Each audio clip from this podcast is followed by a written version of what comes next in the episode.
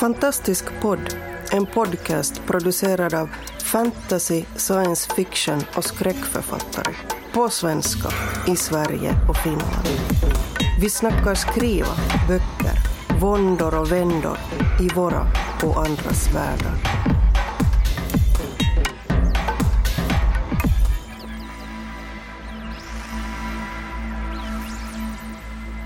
Hej och välkommen till ännu ett avsnitt av Fantastisk podd. Och idag så är det Stockholmsteamet som eh, sitter här i sätet och kör framåt för full fart. Typ någonting sånt.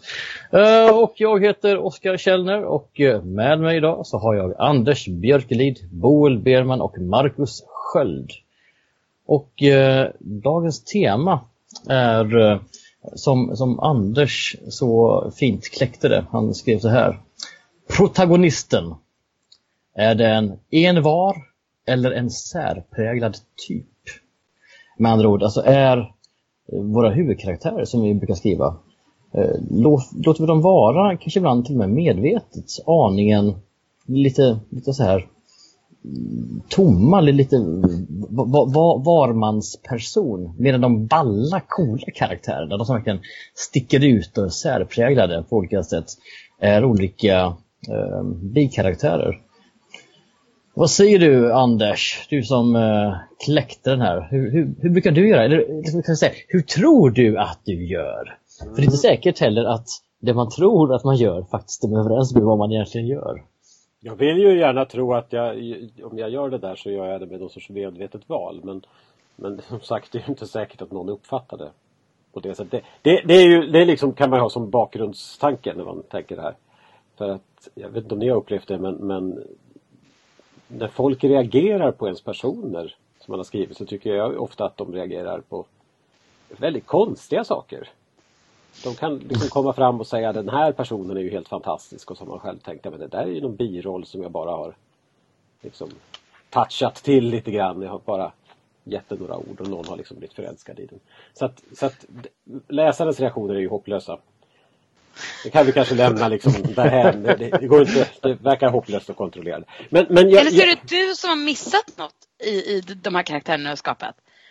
Ja, det tror jag säkert. Ja. Jag, jag missar ju ofta något i karaktärerna. Nej, men jag menar att läsarna hittar något som ja. du själv nästan undermedvetet har skrivit in. Liksom. Fullt möjligt. Det, det här kommer ju av min, min problem med karaktärer överhuvudtaget. Jag tycker inte om dem. Det, det, det har gillar att plåga dem. Jag har ju erkänt det här förut. Nej, men jag, jag tycker ju att de stör historien en del. Um, eller ännu värre, historien stör ju egentligen världsbygget. Mm. Men, men, ja, det är jobbigt. Men, men, men jag märker att i alla fall så, så, så dras jag mer till de här Everyman, en var. Eh, för att jag tycker att särskilt liksom, jag har ju varit i fantasyfacket en del, särskilt de, där har de ju en möjlighet att att eh, se på, på världen och historien, storyn med ögon som, som, inte, som inte påverkar den. Vilket, man kan låta liksom läsaren och huvudpersonen möta saker samtidigt. Medan däremot om, om man ser på världen genom ett filter av en liksom väl särpräglad typ då om, om världen är påhittad kan det ibland vara svårare då att eh, låta läsaren förstå vad som upplevs eftersom, eftersom eh, den här eh, huvudpersonen har en sån, sån särskild syn på den eller är väldigt eh, har en vinkling på den som det tar längre tid. Det, det, här måste ju, det här är ju lättare. Jag har ju skrivit en del texter som utspelar sig i modern tid. Jag tycker det är lättare att göra det. Eftersom man kan förvänta sig. Det är inte ganska att... vanligt att eh, huvudpersoner börjar berättelsen som en, en, en vanlig person. Men att de senare utvecklas till ja, ja. mer särskilda. Vi har Luke Skywalker, att, att vi har Harry att, Potter, vi har... Men Harry Potter utvecklas väl inte till någonting?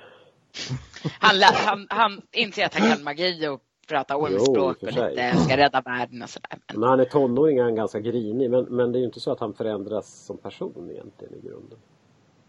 Eller får några Han är ju ganska snarstucken mot slutet, är han ja, inte? Ja, det är han. Men, men det är ju inte så stor egen, han får ju inte några andra egenskaper. Direkt.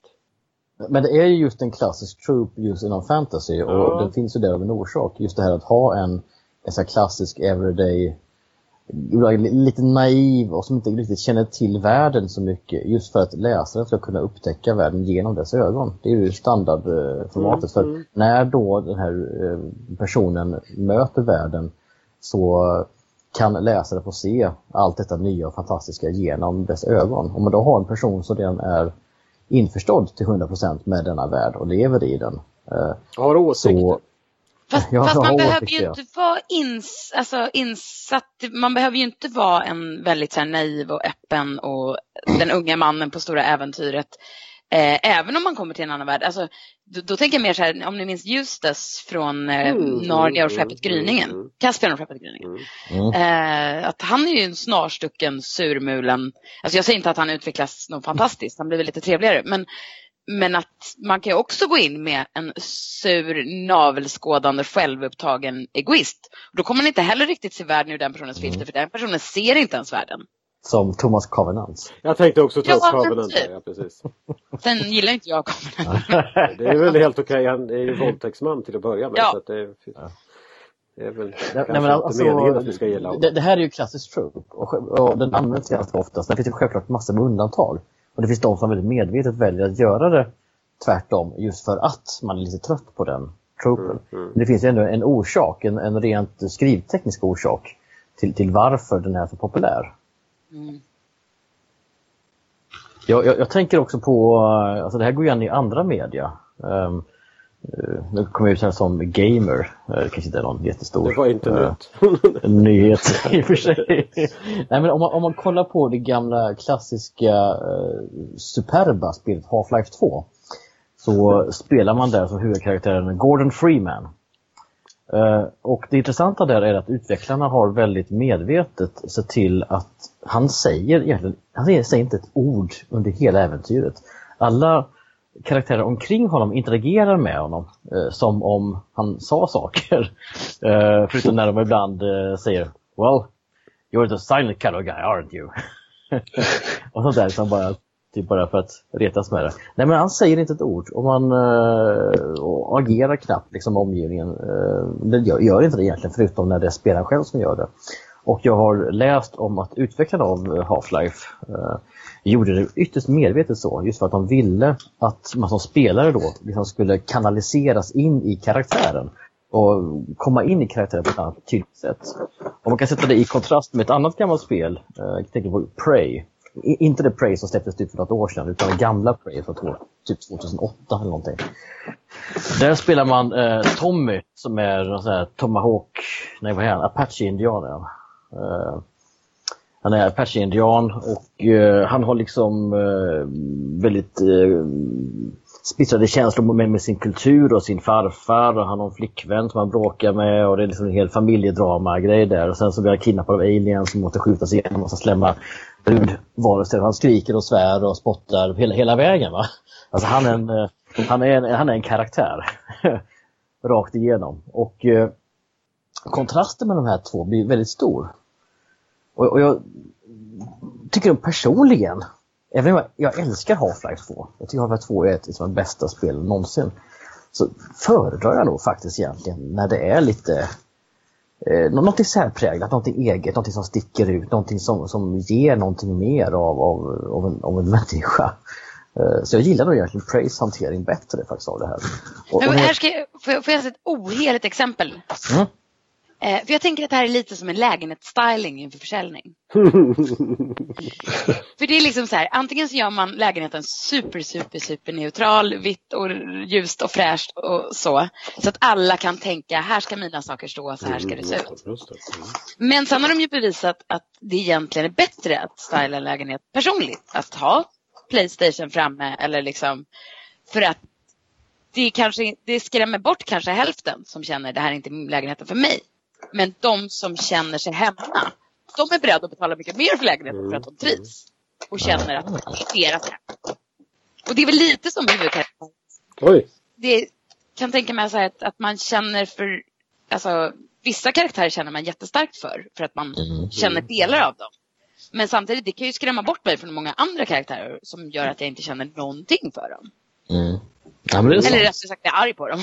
ja, jag har en fråga, kanske framförallt till Marcus. Men, men ja. jag kommer att tänka på en annan sak först.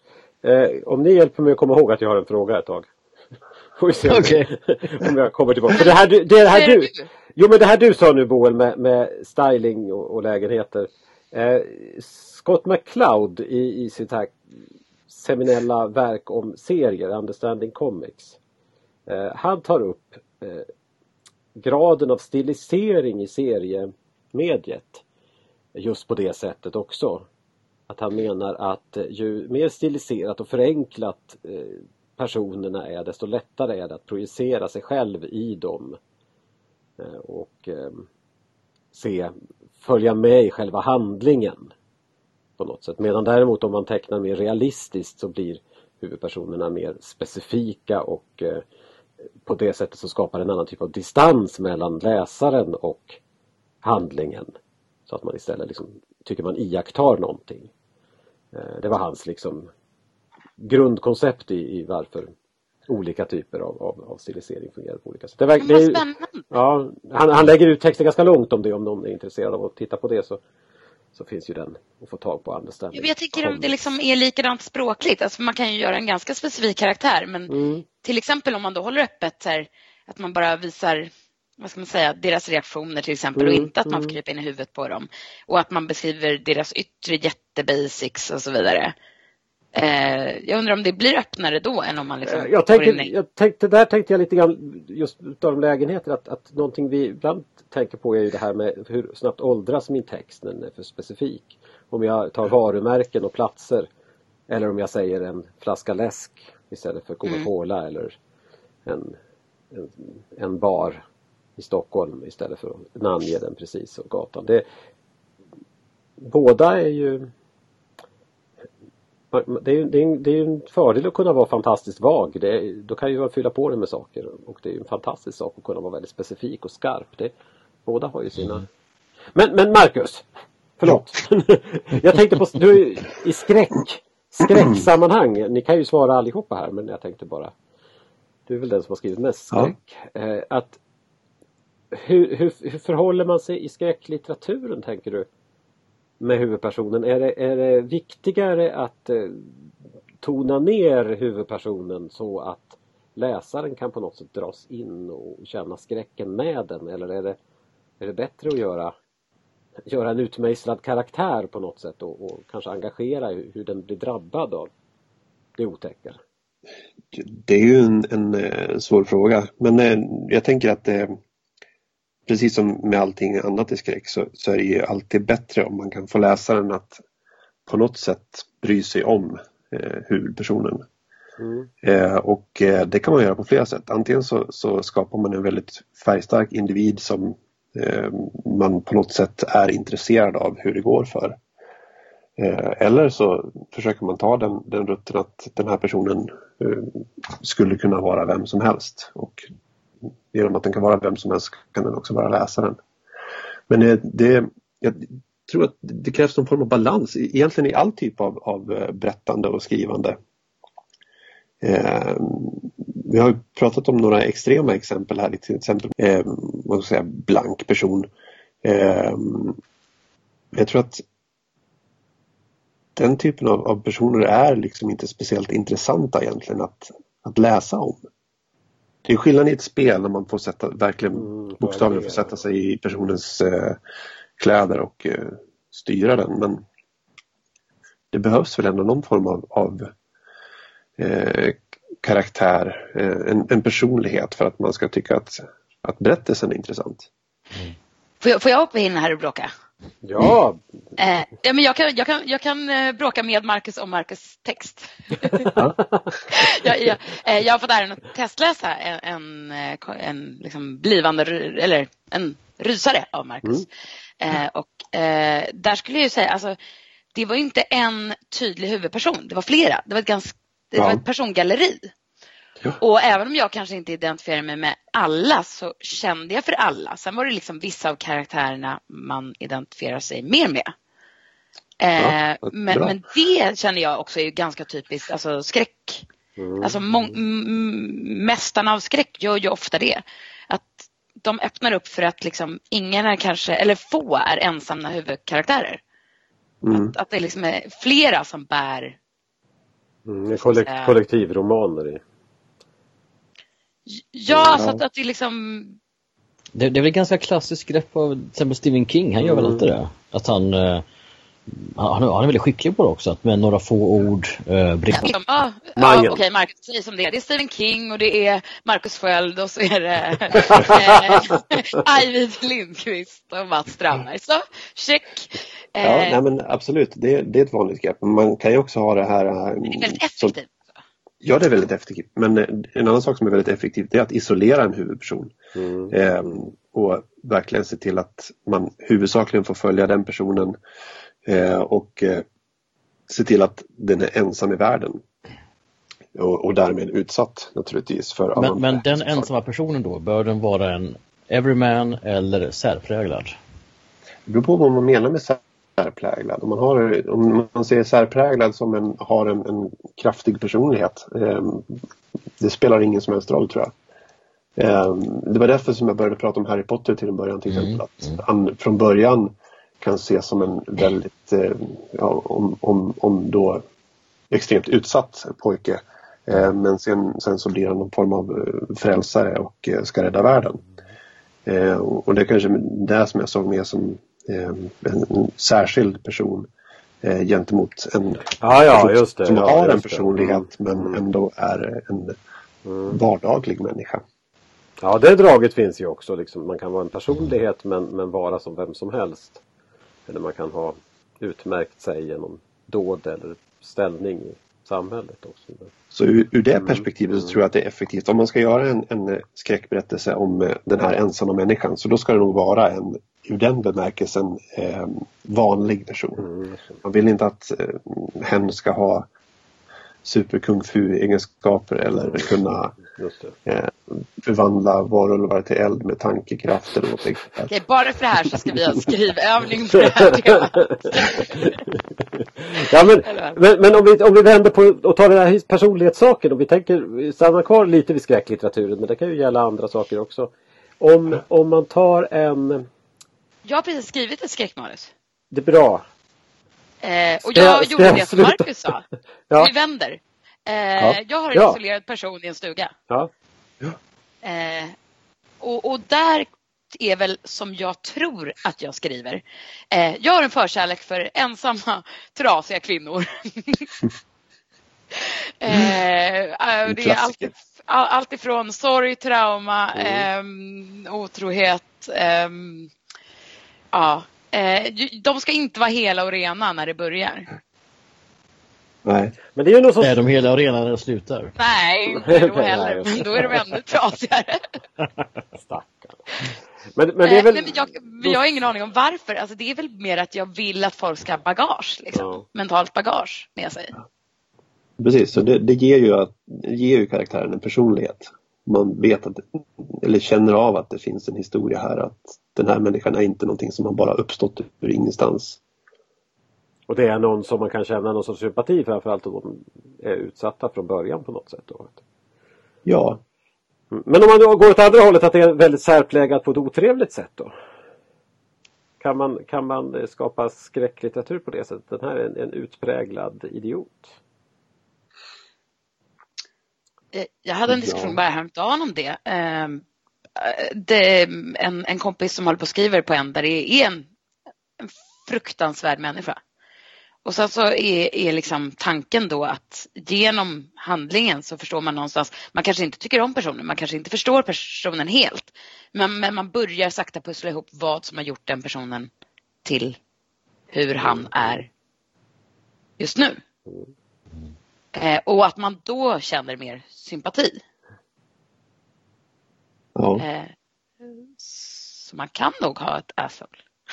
Det tror jag absolut. Ja, det är klart man kan. Absolut. Ja, ja, det, ja. Jag tänkte bara att för, för, förminska det just i en skräckberättelse kan det förminska liksom Sitter man bara och hejar på monstren i det läget och så? Ja, det beror på vilken typ av, av skräckberättelse det är naturligtvis. Man har ju den här interna psykologiska skräcken också där eh, om man sätter läsaren i den här otrevliga personens eh, skor så att säga. Eh, och eh, får följa med när hen utför hemska saker. Det är det som många av de här ja, ja. Mm. berättelserna om nyblivna vampyrer eller nyblivna varulvar till exempel handlar om. Mm. Den här skräcken över att man inte eh, har kontroll över sina handlingar kanske. Det behöver naturligtvis inte vara en, en ond person i, i de fallen. Då, men... men det känns ju som vi lutar lite mer åt, åt de särpräglade, utmejslade, de, de intressanta personerna och är lite mer tveksamma till de här tomma. Alltså det är väl en personlig preferens vad man själv gillar mm. att uh, skriva och läsa för den delen också. Jag, jag, kan ju tycka att, alltså jag gillar ju Harry Potter totalt sett men mm. just Harry Potter själv som karaktär här är ju lite av en träbock alltså. Mm. Hermione och de andra omkring är ju mycket intressantare. Mm. Det är ju så. Men, ja men, så det, Luke. Mm. Luke är också tämligen ointressant. Visst är det så? Uh. Det är hans vänner som är, som är roliga och spännande. Mm. Mm. Eller Buffy. Jag har inte sett Buffy faktiskt. Oj! Oh. Oj, nu, kom, nu kom jag ut som en... Nej! får du hemläxa. farligt, farligt. Men hon har väl lite mer personlighet måste man säga. Fast, ja, nej, kanske i början. Ja, nej. Du var ju inne på, på Narnia där förut. Där, eh, syskonen Pevensi där. De har ju ja, inte mycket till personlighet. De, de har inte personlighet, nej, eller Nej, det har de väl inte. Fyra, fyra syskon två pojkar och två flickor. Det är väl ungefär så långt man kan gå. I första boken är Edmund lite Ja men i den allra första boken som inte är första utan sista men, men skrivs som är först eh, Den som heter Min morbror trollkarlen. Ja, där ja. är det ganska intressanta figurer. Det, de är ju det, ja precis. Mm. Men det, den skrev han ju sist. Ja. Mm. Men de här som kretsar kring Pevensi-syskonen de är väl rätt tomma. De är så tråkiga. Ja, men... men är det för att de är helylle? Det är intressant det här. Det var, det var Edmund som tas ut som eventuellt har en karaktär. Mm, mm. Och det var ju för att han var den som var sur, grinig, eh, obstinat och eh, hängde med häxan. häxan istället. Precis, precis. Så intressant är det. Har vi någon eh, har vi en förkärlek för eh, bråkstakarna helt enkelt. De som gör tvärtom, som inte är så himla helylle. Och är det så att det är för att vi tycker så just nu? Eller har vi, alltså, alltså är det här en kulturell grej som förändras med ja. tiden? Var det annorlunda när Narnia skrevs? Nej, det tror jag inte eftersom det blev mer bråkstakar mot slutet. Mm. Um, och sen är ju häxan också jättespännande. Mm. In, inte just häxan och lejonet kanske, men mm. ja. Uh, men nu försöker jag ju desperat komma på liksom helt normala, vanliga, trevliga huvudpersoner som vi men, ändå men, gillar. Men, men, men, Anders, får jag fråga dig ja, Anders? Ja. Uh, I berättelsen om blodet ja. så har du ju... Den, den har jag skrivit, syster... den har jag hört. Ja, den, den har du skrivit, ja. Vad, vad, vad bra. vad bra. Annars hade det varit en, en svårt att fråga här faktiskt. Uh, där har du ju ett syskonpar. Ja som eh, huvudkaraktärer. Mm. Och de, eftersom de är lite så här telepatiskt hopkopplade mm. så bör, de börjar till och med bokserien som ett vi mm. innan de liksom skiljs ifrån varandra. Mm. Jag är bara nyfiken på hur jobbade du med dem? För de börjar också lite så här lite naiva, uh, vet ingenting om världen, mm, mm. kommer från en bondgård ute i skogen, kan ingenting. Uh, men så börjar de upptäcka mer och mer, de skiljs från varandra, de Ja, de blir ju mer så ja, nu ska jag inte lägga mina ord i din mun. hur, hur jobbar du med dem? Hur ja, tänkte det var, du? Det, det, var ju, det, var, det var ju väldigt medvetet idé om att, ja, dels var de ett vi. Eh, om, man ska skil, om man ska skildra någon form av individuationsprocess eller sånt där för att tala med Jung eh, så, så tyckte jag det var lämpligt liksom att börja med ett litet kollektiv. Som, som inte ens har, är egna individer utan de är två ihop. Eh, och så, så skär man isär dem. Och så utifrån det så upptäcker de sig själva vilka de är samtidigt som, som läsaren gör det. Så, att, så det var ju liksom en extrem variant av, av den liksom personen som upptäcker världen och inte har någonting från början. Eh, att jag, jag liksom marschade ihop deras känslor och deras tankar och mål så att de knappt visste själva och sen steg för steg så, så upptäcker de ju att den ena personen inte tycker om det som den andra gör riktigt och de har särskilda. De upptäcker ju dessutom att de kan göra saker som inte den andra kan göra. Att de är intresserade av olika grejer. Så, så det, det, var väl liksom ett försök att skildra just vuxenblivandet i någon, i någon mån. Eller identitetssökandet på något sätt. Det låter ju pretentiöst men, men det, det var ju Jag vet inte, jag, tänkte ju inte som en en var. Spännande drag mm. Och en, en intressant detalj är det att senare i serien så får de ju här, möjlighet mm. att äh, åter kunna koppla mm. ihop sig sådär, mm. tele telepatiskt. Ja, precis. De längtar men, men vill inte, eller... En av dem längtar ju tillbaka. En av dem vill det. Den andra vill inte riktigt Nej, det. De precis. har väldigt splittrade mm. känslor ja. kring det där. Och det är till och med så att den ena tycker att, att den andra begår någon sorts övergrepp på den. För att den i, i hemlighet, eller i sömnen, sträcker ut de här liksom. Mm. Det här bandet som de kallar det mellan varandra. Så att, så att eh, det är ju också någonting liksom det där eh, längtan efter att vara ingen alls eller vara en del av en kollektiv. Det är väl lite grann där jag tänker också det här är, är någonting. Det, är, det, är, det, är, det våran, är det här en diskussion om individer kontra kollektiv på något sätt? Ah, du tänker att den här uh, everyday-karaktären mer är en kollektiv representation Litteraturhistoriskt var, var ju det här en, en gestalt som man gärna tyckte om att stoppa in i medeltida litteratur till exempel. Som kanske är ja. vår mest kollektiva hierarkiska kulturepok. Eh, där var ju spelet om en var en sån där där vi har fått det namnet ifrån. Som handlar om var och en. Men det fanns ju många andra sådana moralitetsspel från den tiden. Mm. Kanske inte helt slumpmässigt att, att eh, vi pratar om syskonen Pevensi i Narnia som också är ju en sorts moralitet.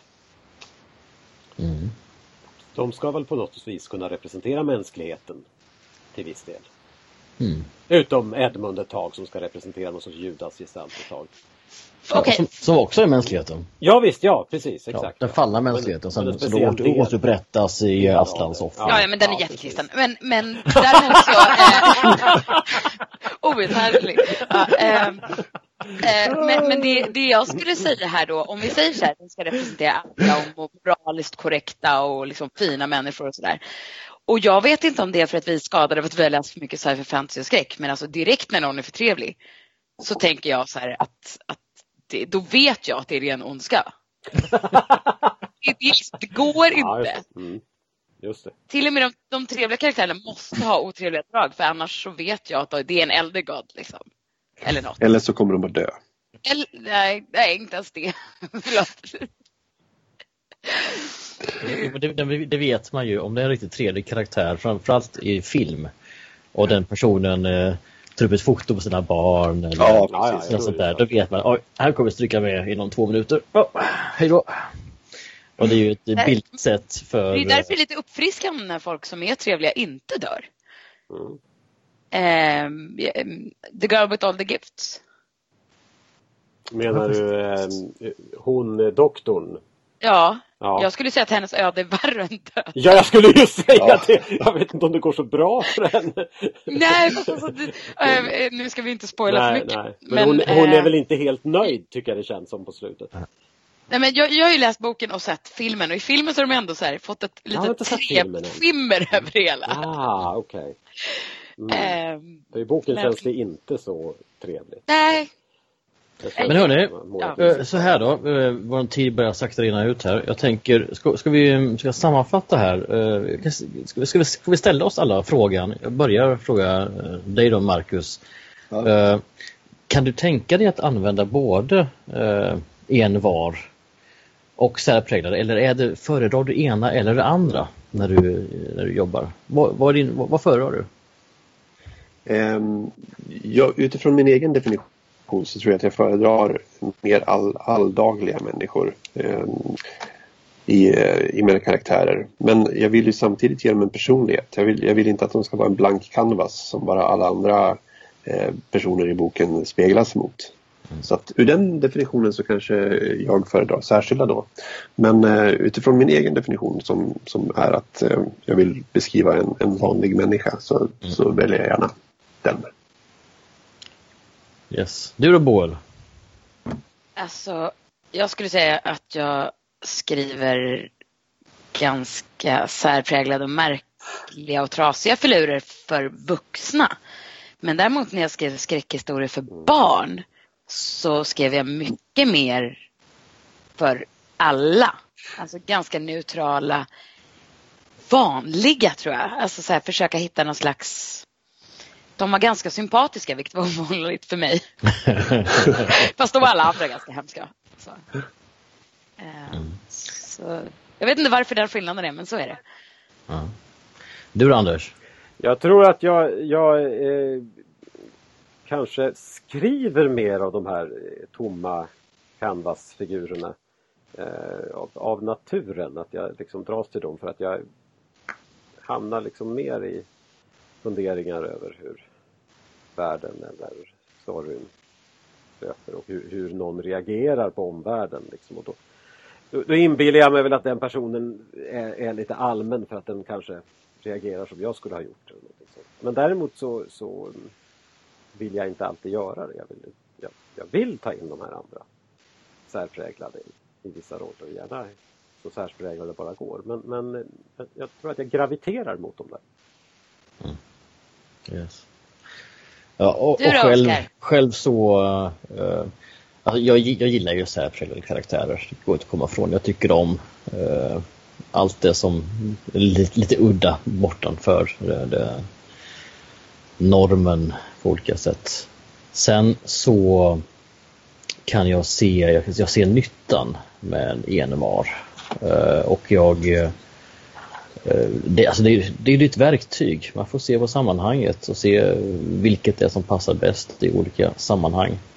Men jag, jag har nog väldigt svårt att låta en person vara en envar under en lång period. Jag kanske börjar så ibland men Sen blir de något annat.